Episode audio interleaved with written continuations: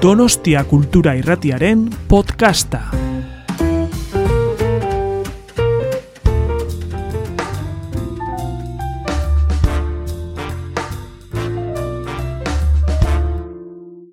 Hola, somos Amaya García y Sławka Grabowska.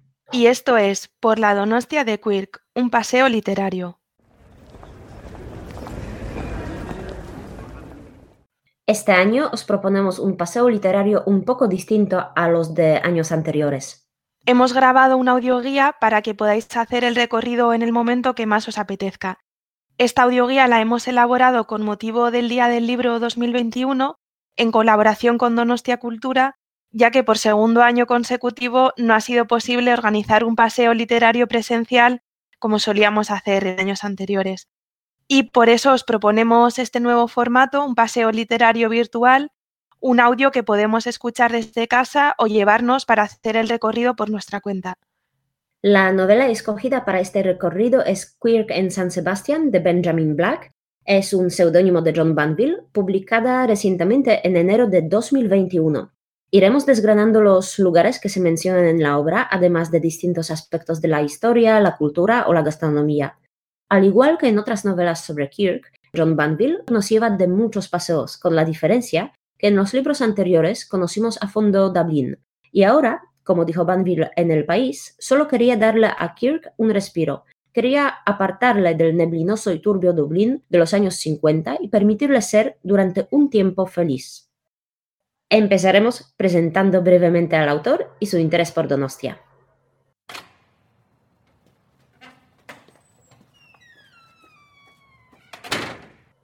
Bueno, Benjamin Black es el seudónimo de John Banville, utiliza este nombre para firmar sus obras de novela negra y Banville es un escritor irlandés nacido en Wexford, Irlanda, el 8 de diciembre de 1945. Tiene 75 años. Tuvo una vocación temprana por la literatura y desde muy joven supo que quería ser escritor.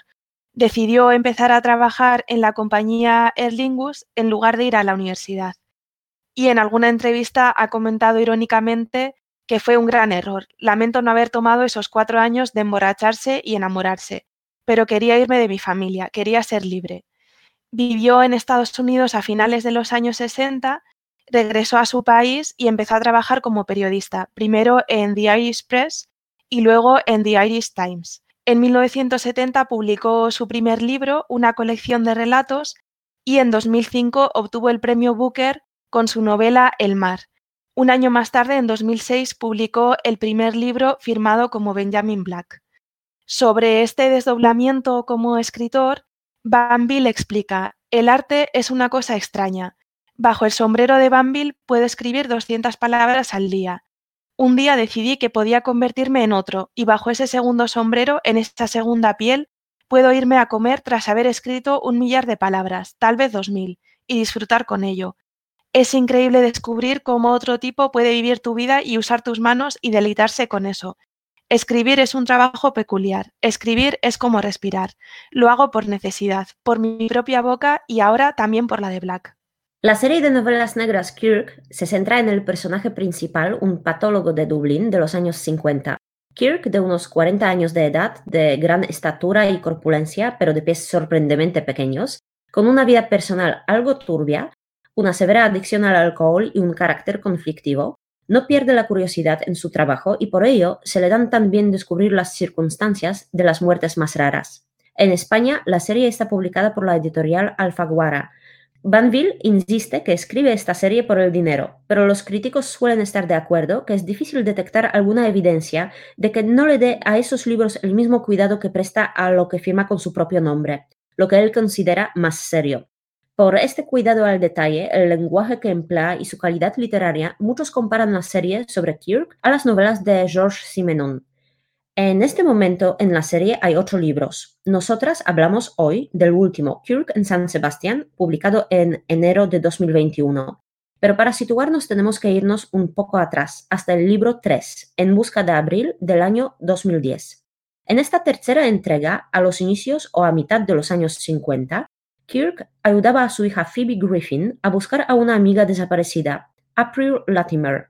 En Kirk en San Sebastián, el caso de April reaparece. El tío de April dice a inicios de la novela sobre ella, lleva muerta cuatro años o más, y por eso sabemos que a través de los ojos de Kirk vemos el San Sebastián de finales de los años 50, inicios de los 60. ¿Y de dónde le viene a Benjamin Black este interés por Donostia? Pues en noviembre de 2017, John Banville estuvo en la ciudad invitado por el Festival Literactum, vino con su mujer y tuvieron ocasión de hacer una visita privada a Chillidalecu. Según dijo Iñaki Gabarain del Festival Donostiarra de las Letras en un artículo de Alberto Moyano en el Diario Vasco, Banville se quedó prendado de la ciudad, hasta el punto de que nos dijo que vendrá siempre que se lo pidamos. Bromeamos sobre la posibilidad de crear la obra de Banville como un clásico del festival, en el que el escritor haga cada año lo que quiera. Alberto Moyano también entrevistó a Banville sobre su decisión de ambientar la última entrega de la saga de Kirk en Donostia y eh, en esta entrevista aseguraba que probablemente se le ocurrió una tarde en que estaba sentado bajo el suave sol en una de las plazas, agarrado a una copa de chacolí.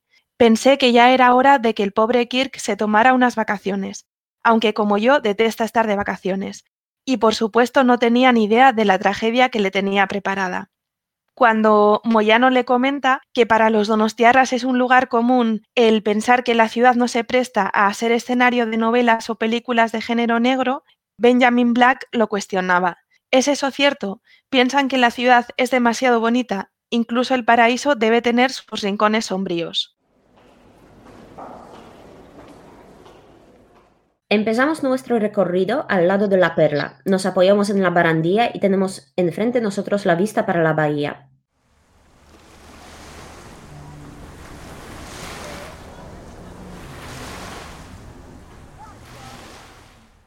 La entrada a la bahía era estrecha, de modo que el agua, una vez dentro, se abría en abanico como una enorme concha marina. De hecho, la bahía se llamaba la concha en español. Debido a ese canal en forma de cuello de botella y a la larga curva de la playa, las olas no llegaban al bies, como en las playas de su país. En vez de eso, había solo una ola inmensamente larga que rompía con un único estruendo amortiguado desde la punta de la parte vieja a la derecha hasta el cabo, allá lejos a la izquierda, donde un funicular recorría todo el día muy despacio y centímetro a centímetro su laborioso camino ladera arriba y abajo. Cuando Kirk despertaba de noche, con la ventana abierta junto a la cama, era como si hubiese un animal dormido, gigantesco y manso, que resollara dulcemente en la oscuridad. Todo esto le fascinaba y pasaba mucho rato sentado delante de la ventana contemplando la vista, con la mente en blanco. Empezamos en un lugar más reconocido por los turistas, la Bahía de la Concha, flanqueada al este por el monte Urgul y al oeste por el monte Igueldo. No en vano, en 2019, la concha se colocó en cuarta posición del ranking global y en la primera en Europa según los premios Traveler's Choice Playas 2019. También en el libro es el primer sitio que vemos en Donostia. Como podéis ver, en el fragmento citado a Kirk, la concha y su oleaje le hechizaron por completo. En un documental de 1955, San Sebastián, novia de España, de Salvador Ferrer, aparece una frase que bien podría observar Kirk en Donostia durante su visita. Es de nuestra generación la playa, paraíso de los niños que juguetean y chapotean en la arena. Un poco más adelante, en la novela, Kirk otra vez contempla la vista. Unos pocos turistas, con sus toeas, sus gorros de baño y sus libros en rústica, se habían aventurado a bajar a la playa todavía húmeda. La arena tenía el color de un caramelo chupado y parecía igual de lisa y brillante. Creía haber leído en alguna parte que la playa de la Concha no era una verdadera playa, que llevaban cada año la arena en camiones desde otro sitio antes de que empezara la temporada turística. ¿Sería cierto? Al menos desde allí arriba parecía sospechosamente fina e intacta y no se veía una sola piedra ni una concha. Kirk solo parcialmente tiene razón en este fragmento. Se puede sospechar que al referirse a camiones de arena, el autor tenía en mente la playa de Zuriola, pero esta no existía en la forma en la que la conocemos hoy en día en los años 50. A finales del siglo XIX e inicios del siglo XX había ahí un campo de dunas que poco a poco se iba urbanizando. Cerca del 1950 se construyó el muro de costa, pero este fue en gran parte arruinado por el temporal. Así surgió una pequeña playa, pero esta apenas tenía uso hasta 1994 cuando hubo la construcción del espigón y el vertido de arena para crear la playa más acondicionada. La concha, que es lo que nos importa aquí, forma parte de las arenales del Tómbolo entre el Urgul y el continente.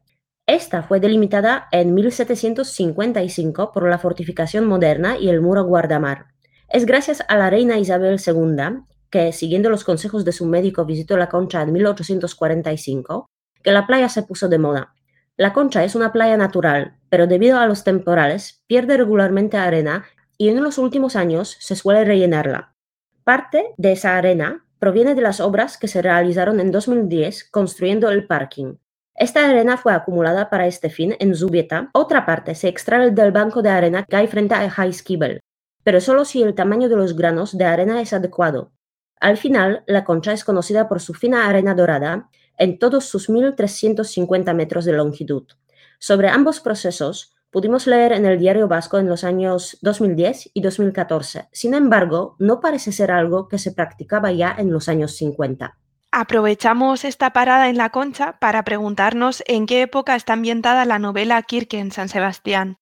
Suovka ya ha adelantado una aproximación basada en las fechas que se mencionan en otros libros de la saga, pero en el propio libro encontramos algunas pistas relativas al contexto histórico-político.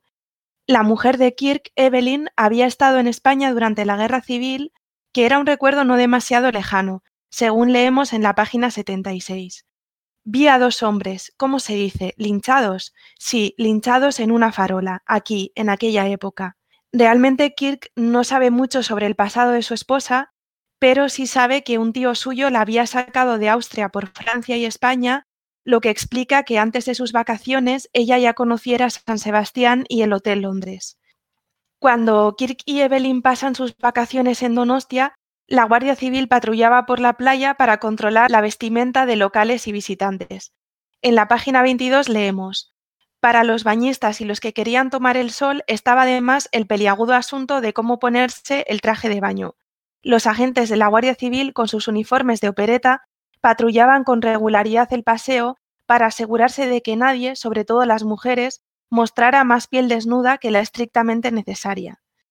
Además, en la cena con el doctor Jerónimo Cruz y la doctora Ángela Loles encontramos una referencia al hecho de que Franco veraneaba en Donostia. Cruz habla de que el general tenía una casa de veraneo en las montañas al oeste de la bahía. No era porque le gustase, en todo caso, iba solo para demostrar que el País Vasco era tan español como cualquier otra parte de España, dice en broma. Y efectivamente Franco pasó en Donostia, en el Palacio de Ayete, los meses de agosto desde 1940 hasta 1975.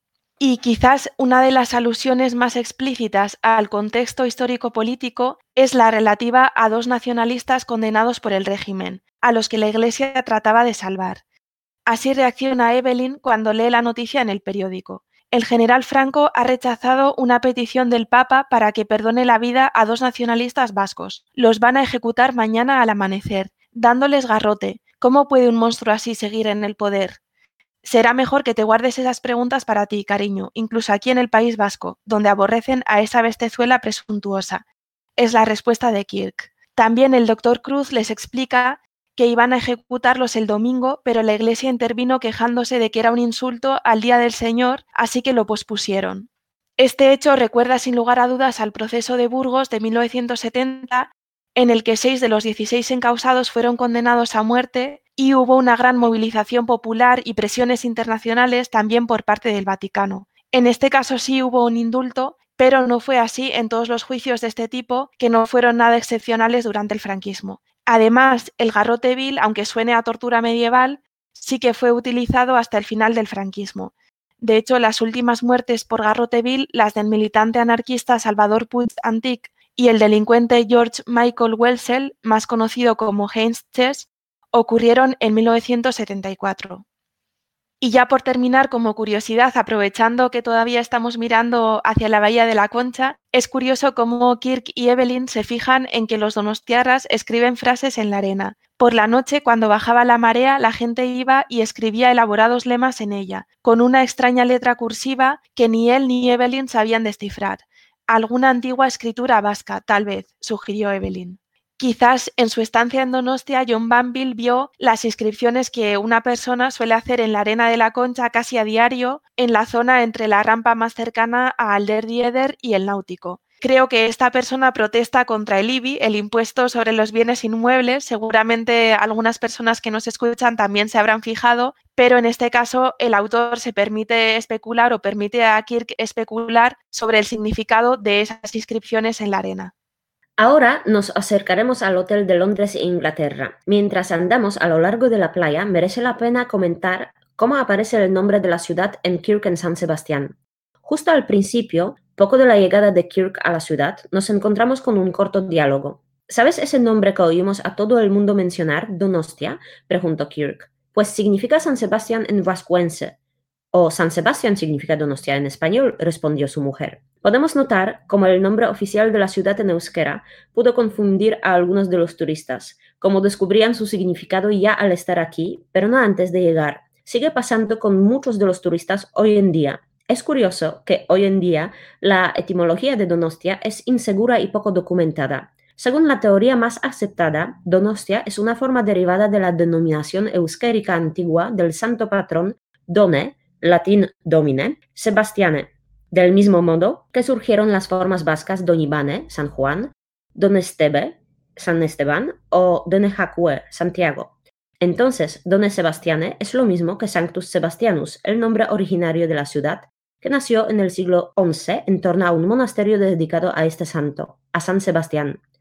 En el libro Apellidos Vascos, en 1953, el lingüista Coldo Michelena explicaba la evolución fonética del nombre así. El nombre vasco de San Sebastián, cuya evolución aproximada habrá sido Donasabastiai, Donasastia, Donastia, Donostia.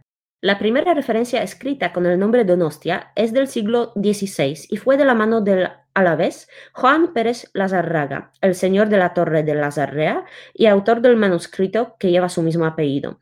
Y esa mención fue así. Donostiako San Franciscoan agoan gizon soldadua, que significa algo como San Francisco de Donostia, varón soldado.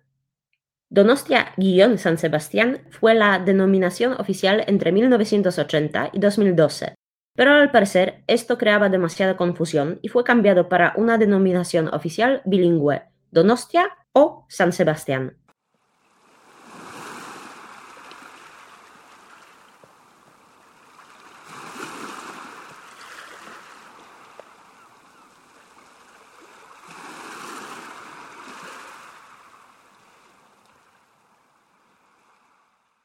Hemos llegado. El Hotel de Londres e Inglaterra.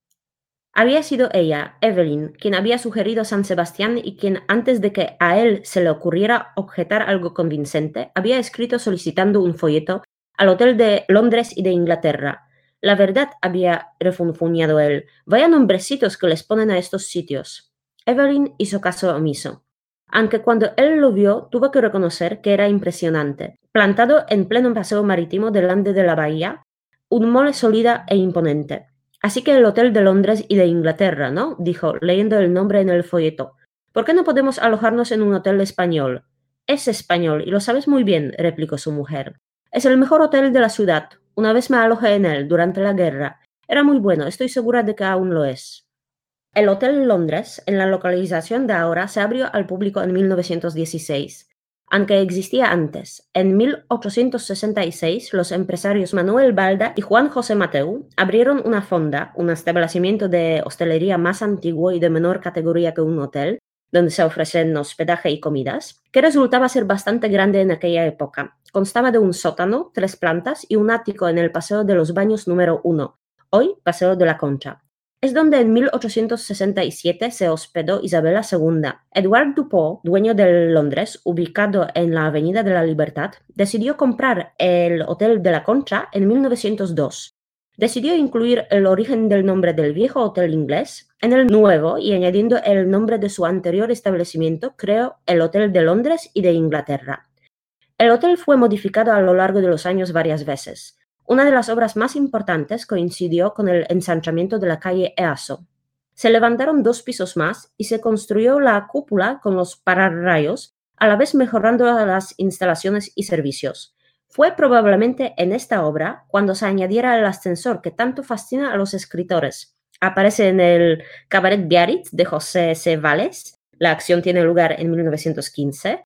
Y en La ciudad de los ojos grises de Félix K. Modroño, la trama transcurre aún antes, en 1914.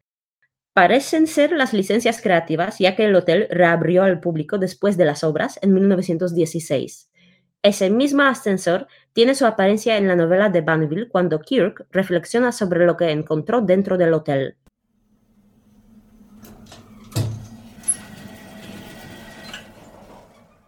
A pesar de todo, y aunque jamás se le habría ocurrido reconocérselo a Evelyn, había llegado a gustarle el Londres. Transmitía una discreta seguridad con un estilo sobrio. No le daba la lata, sino que en buena parte lo dejaba a su aire. El restaurante era bueno, el bar estaba bien surtido. Incluso empezaban a gustarle las aceitunas que le servían con cada bebida que pedía. Su mayor y más secreto entusiasmo era el ascensor.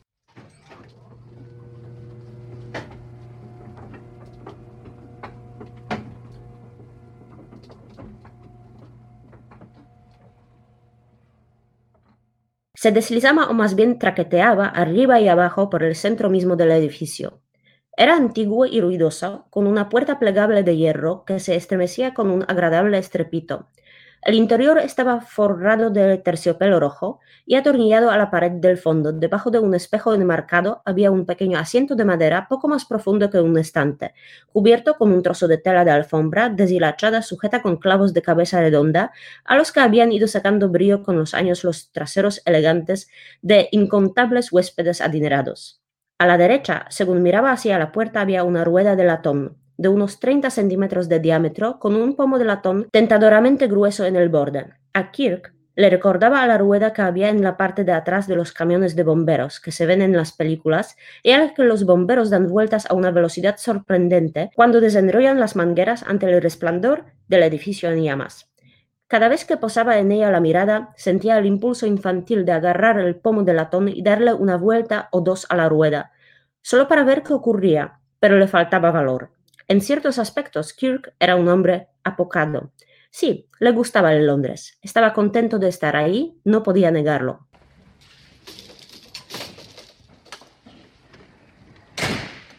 Un edificio que sin duda está entre los más emblemáticos de la ciudad. Lo visitaron Henry Marie de Toulouse-Lautrec, la arquiduquesa Isabel de Austria, David Strauss, Luis Mariano y la espía Matahari.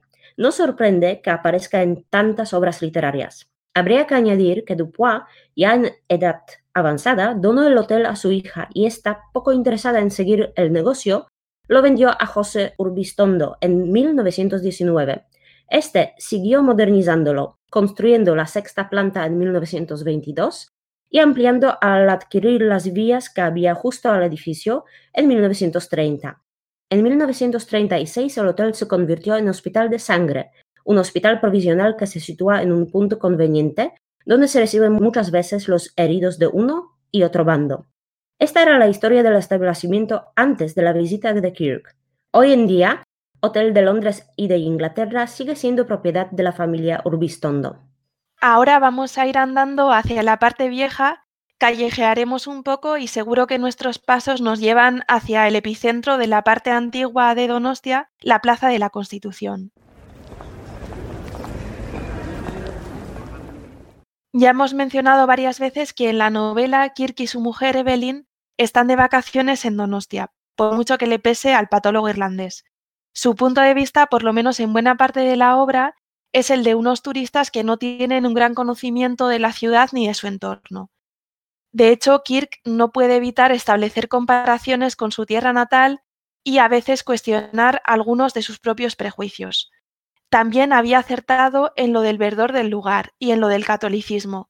Se notaba una sobria beatería que lo mismo podía haber sido irlandesa, desde luego no era la España de la que escribían los viejos escritores españoles, con el polvo abrasador, las señoritas de ojos encendidos taconeando con los toscos zapatos negros, y los hidalgos, era esa la palabra, de pantalones apretados, peleándose a cuchilladas mientras todos gritaban Viva España, y no pasarán, y estoqueaban entre los homoplatos a toros lentos, ensangrentados y perplejos. La zona por la que se mueven es la más atractiva para los visitantes. Se alojan en el Hotel Londres, recorren el Paseo de la Concha, toman algo en la parte vieja. Aunque la acción transcurre en primavera, todavía no en los meses de verano, a la ciudad ya han llegado más turistas como ellos y, por ejemplo, en la página 22 vemos cómo llenan la playa. Era fácil distinguir a los visitantes por la palidez de su piel y por el modo indeciso en que elegían dónde instalarse en la playa. Kirk dijo que le recordaban a un perro buscando un sitio donde hacer sus necesidades, y Evelyn frunció el ceño y chascó la lengua con desaprobación. En la ciudad hay un ambiente alegre y cosmopolita, como si ya los años más duros de la Guerra Civil y la Segunda Guerra Mundial hubieran quedado atrás. En la página 29 encontramos también una descripción un poco críptica en esta línea. A su alrededor había ingleses, norteamericanos, suecos. Suponía que ese acento cantarín era sueco e incluso alemanes que una vez más se hacían pasar por los felices vagabundos que habían creído ser antes de que los años de locura y de lo que vino después les demostraran que no eran tal cosa.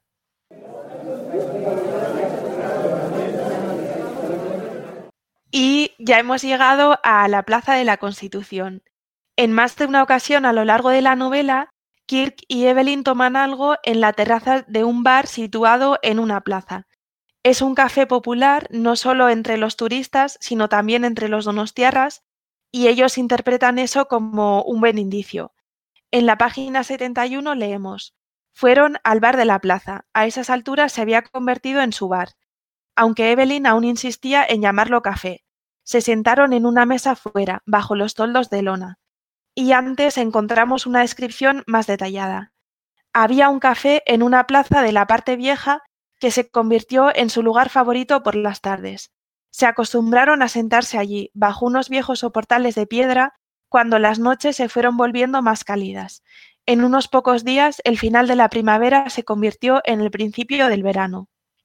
Y claro, nos preguntamos cuál puede ser el bar de Kirk y Evelyn, cuál es esa plaza de la parte vieja. En el libro se dice que había un edificio feo y grande con un reloj en lo alto dominando un lado entero de la plaza, custodiado por un par de estilizados leones de cemento y flanqueado por dos cañones oxidados en miniatura, que no parecían capaces de defender gran cosa ni siquiera en los días en que aún se podían disparar.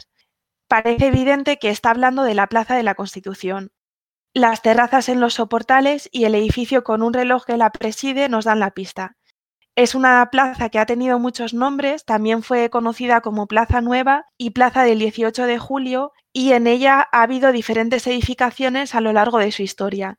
El proyecto inicial de 1723 era una plaza neoclásica de Hércules Torrelli y aunque está en la misma ubicación, la plaza que vemos actualmente responde a la reconstrucción tras el asedio y el incendio de 1813. Sus dimensiones están moduladas en 20 arcos iguales en los lados mayores y 9 arcos en los lados menores. En la descripción de la novela me llamaba la atención la alusión a los leones y a los cañones, y si tengo que ser sincera pensaba que era una licencia del autor. Pero si miramos con detalle la fachada del antiguo ayuntamiento y con buena vista, veremos que a cada lado del escudo de la ciudad, situado justo encima del reloj, hay un león. En cuanto a los cañones, no son dos, sino seis cañones en miniatura los que decoran la cornisa del edificio. Así que el bar de Kirk y Evelyn es uno de los muchos de la Plaza de la Constitución. Y aunque intentaremos no desvelar nada más sobre la trama, en este café escuchan casualmente una conversación que es clave en la historia. En ese mismo bar de la Plaza de la Constitución, Kirk tiene su primer encuentro con la gastronomía local, al principio parece algo poco deseado por el patólogo. Kirk quería volver a cenar al hotel, pero Evelyn propuso que se quedaran ahí. Podrían arreglárselas perfectamente, dijo, con los aperitivos ensartados en un palillo que los vascos llamaban pinchos. Pero el pincho en opinión de Kirk, no era sino una versión un poco más elegante de los aburridos bocadillos de toda la vida. Estaba en contra de las especialidades locales, que según su experiencia eran todas demasiado locales y rara vez especiales. Pero, al final, se deja convencer.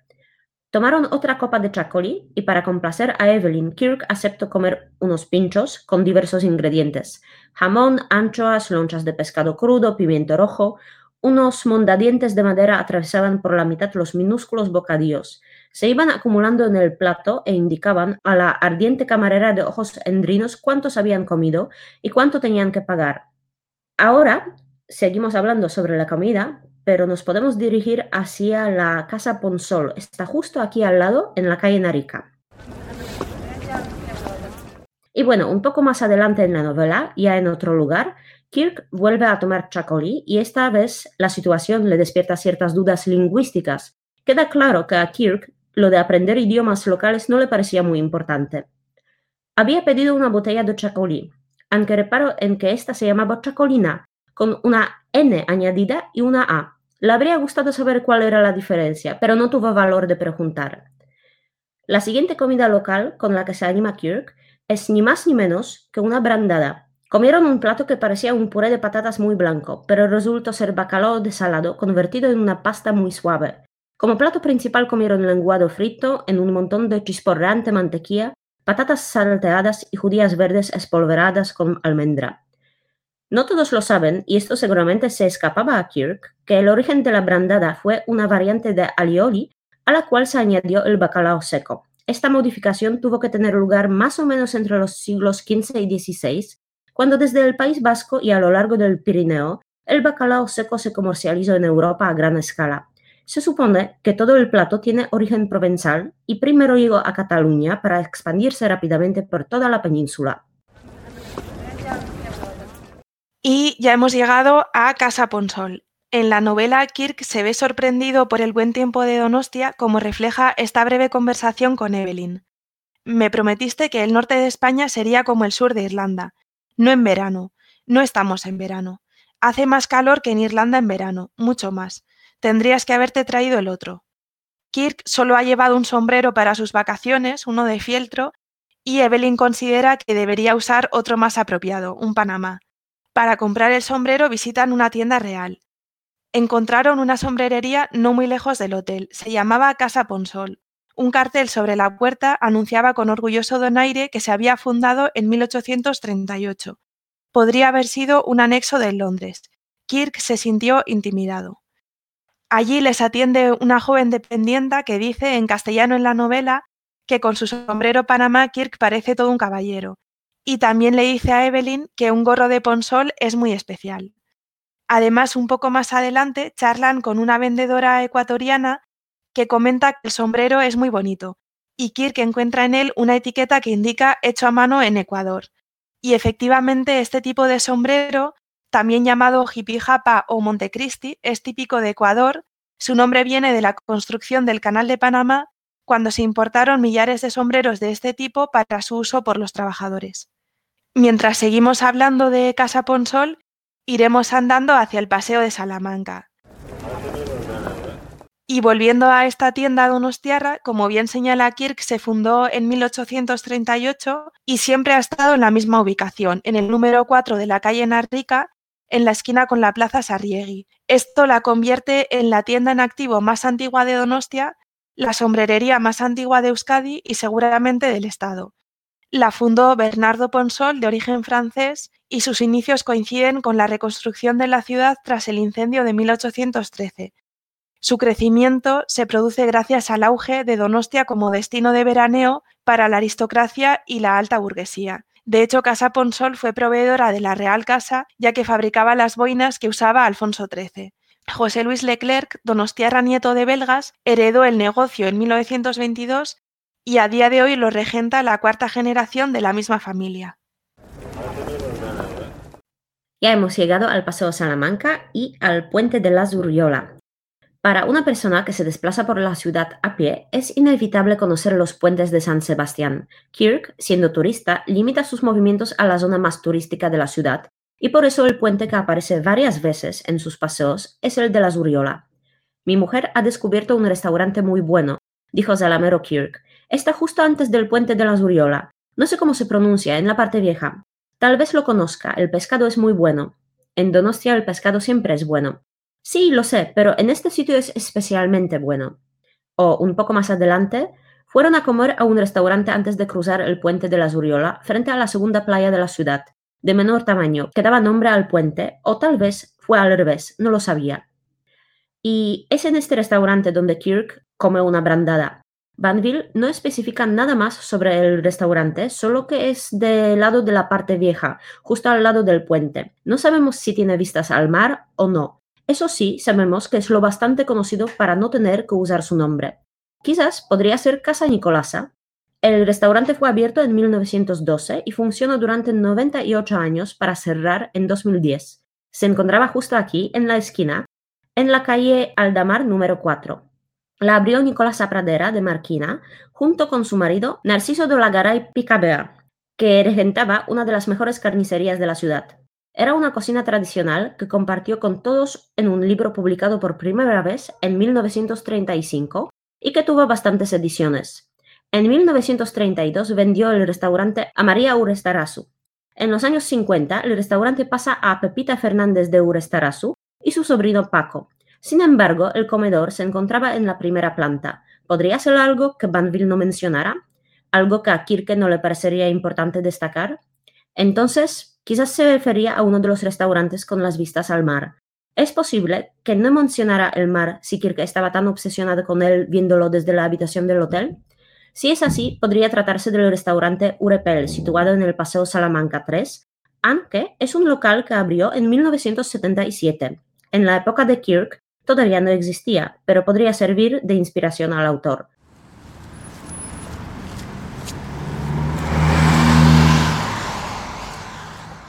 Cruzaremos ahora el puente, dirigiéndonos hacia Gros. El puente de la Zuriola, también conocido como el puente de Cursal, fue construido en 1915, pero en 1918 fueron necesarios cambios estructurales debido a que la fuerza del mar afectaba demasiado la estructura original el primero desde la desembocadura del río Uruguay y el tercero en ser construido.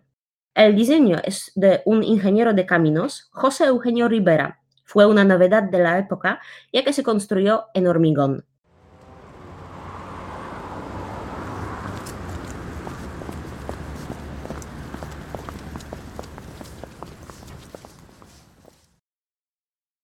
Mientras seguimos avanzando por el paseo de la Zurriola hacia Sagüés, hablaremos sobre algunos donostiarras que se pasean por la novela con los que Kirk se encuentra de manera más o menos casual. En el restaurante que acabamos de dejar atrás les atiende un camarero al que se describe así. Parecía un torero caduco, era bajo y moreno y un poco sudoroso, con el pelo negro y aceitado y la columna vertebral rígida y convexa.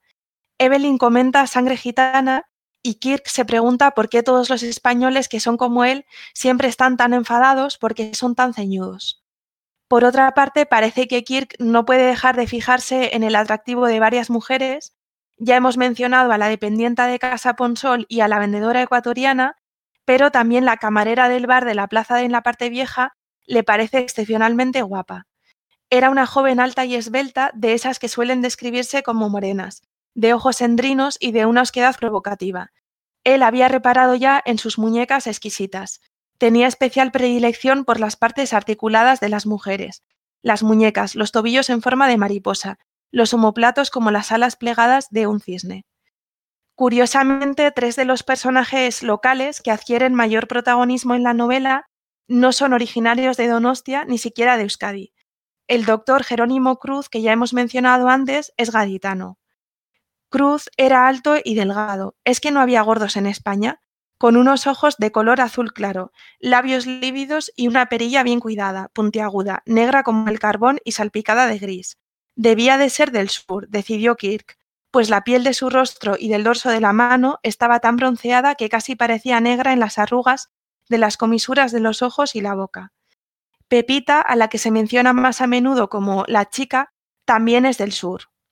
La chica también tenía aspecto de gitana, sobre todo por las sombras azuladas debajo de los ojos y el dorso nudoso de las manos pequeñas y ágiles. Era del campo, de alguna parte del centro del país. En contraste con todos estos personajes morenos, no es de sorprender que la doctora Angela Loles llame la atención.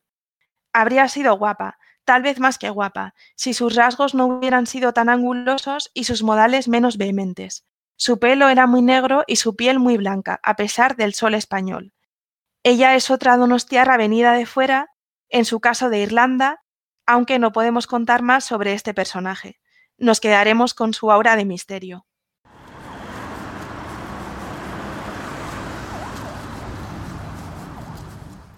ya estamos llegando a Sagüez y vamos a hablar sobre otro de los personajes principales de la novela, Terry, que tiene una llegada un tanto accidentada a Donostia. Cuando le pide al taxista que le busque un alojamiento, este, en lugar de llevarle a un hotel, le deja en la puerta de un prostíbulo. Así se describe la situación en la página 242. Recorrieron la ciudad siguiendo una ruta sospechosamente larga. Terry comprendió que el taxista estaba yendo en círculos para subir el precio de la carrera, pero no tuvo energías para quejarse, y por fin se detuvieron con un chirrido en un callejón. Había mucho ruido, gente que gritaba, coches que hacían sonar la bocina y música de una radio o un gramófono que atronaba por una ventana abierta en algún punto por encima de su cabeza. Y la entrada al edificio, el supuesto hotel era alto y estrecho, clavado como una cuña en el hueco entre sus vecinos a ambos lados. Y ya para cuando llega a la habitación, luego se dijo que había sido un tonto por no haberse dado cuenta enseguida de que no se había registrado en un hotel sino en un burdel. Hay que decir que Terry termina pensando que el sitio no estaba nada mal, incluso se alegra de la jugada del taxista. Realmente en la novela se menciona poco más sobre la ubicación del prostíbulo. Por la mañana paseó un poco por la ciudad. El barrio donde estaba era peligroso, pero había un par de sitios agradables, sobre todo junto al mar y a lo largo del río. Realmente, al no haber más información, estamos especulando con el lugar de Donostia que el autor podía tener en mente cuando escribió estos párrafos. Pero es curioso que varias personas que han leído el libro coinciden en imaginar que se trata de la zona del final de Gros o de Sagües. La descripción de los edificios altos cercanos al mar podría encajar, pero bueno, creo que es algo que queda a la libre imaginación de cada lector o lectora. Bueno, una parada que seguramente todos los turistas quieren evitar es un hospital. Kirk no tuvo mucha suerte y acabó yendo a uno durante su estancia en San Sebastián. Esta vez sabemos exactamente de qué lugar se trata. Está alejado de aquí, así que lo mencionamos casi al final para que podáis decidir vosotros mismos si queréis ir hasta ahí o no.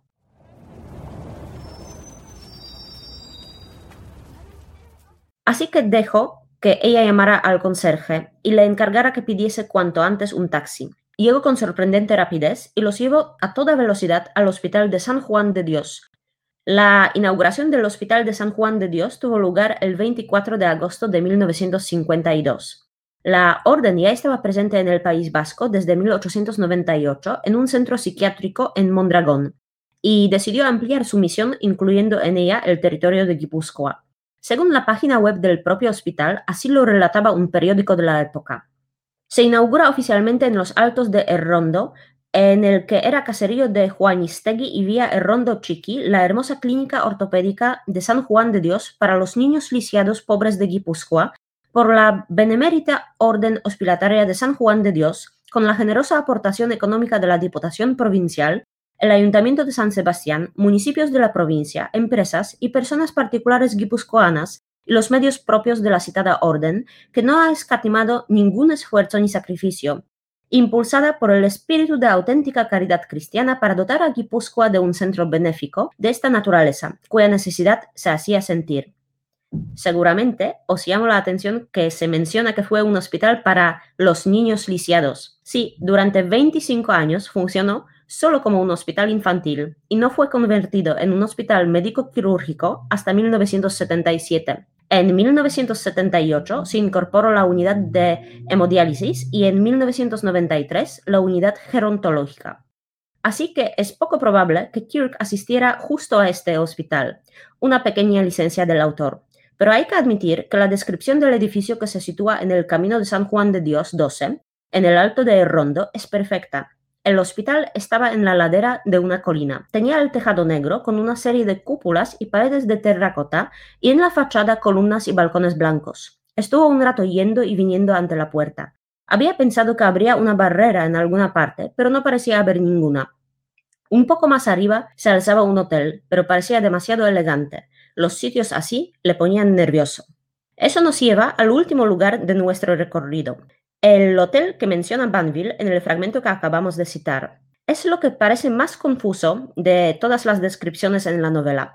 Llegamos finalmente a la conclusión de que es otra licencia literaria del autor. El hotel más cercano que podría responder parcialmente a esta descripción Es Amara Plaza, pero definitivamente no es un poco más arriba, como está descrito. Además, la zona alrededor del hospital es un barrio residencial, con casas en su mayoría unifamiliares. No hemos encontrado ningún indicio de un hotel caro o de lujo que pueda situarse ahí en los años 50. Si pensáis que nos equivocamos, que en realidad sí hubo un hotel, os animamos a compartirlo con nosotras. Hemos llegado al final de nuestro paseo y para terminar me gustaría quedarme con una afirmación de John Banville o de Benjamin Black en la misma entrevista con Alberto Moyano que mencionábamos al comienzo. La investigación es la muerte de la ficción. La imaginación es mucho más poderosa que páginas y páginas de datos. Me parece una idea muy interesante porque por mucho que hayamos intentado descubrir todas las referencias reales en la novela, al fin y al cabo estamos ante una obra de ficción. Pero en cualquier caso, creo que las dos hemos disfrutado mucho siguiendo la pista de Kirk por Donostia.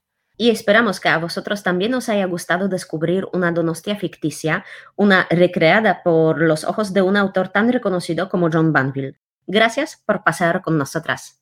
Gracias a Donostia Cultura también por permitirnos elaborar esta audioguía y esperamos encontrarnos el año que viene ya por fin para un paseo literario presencial. Es que ricasco. Es que ricasco y hasta la próxima.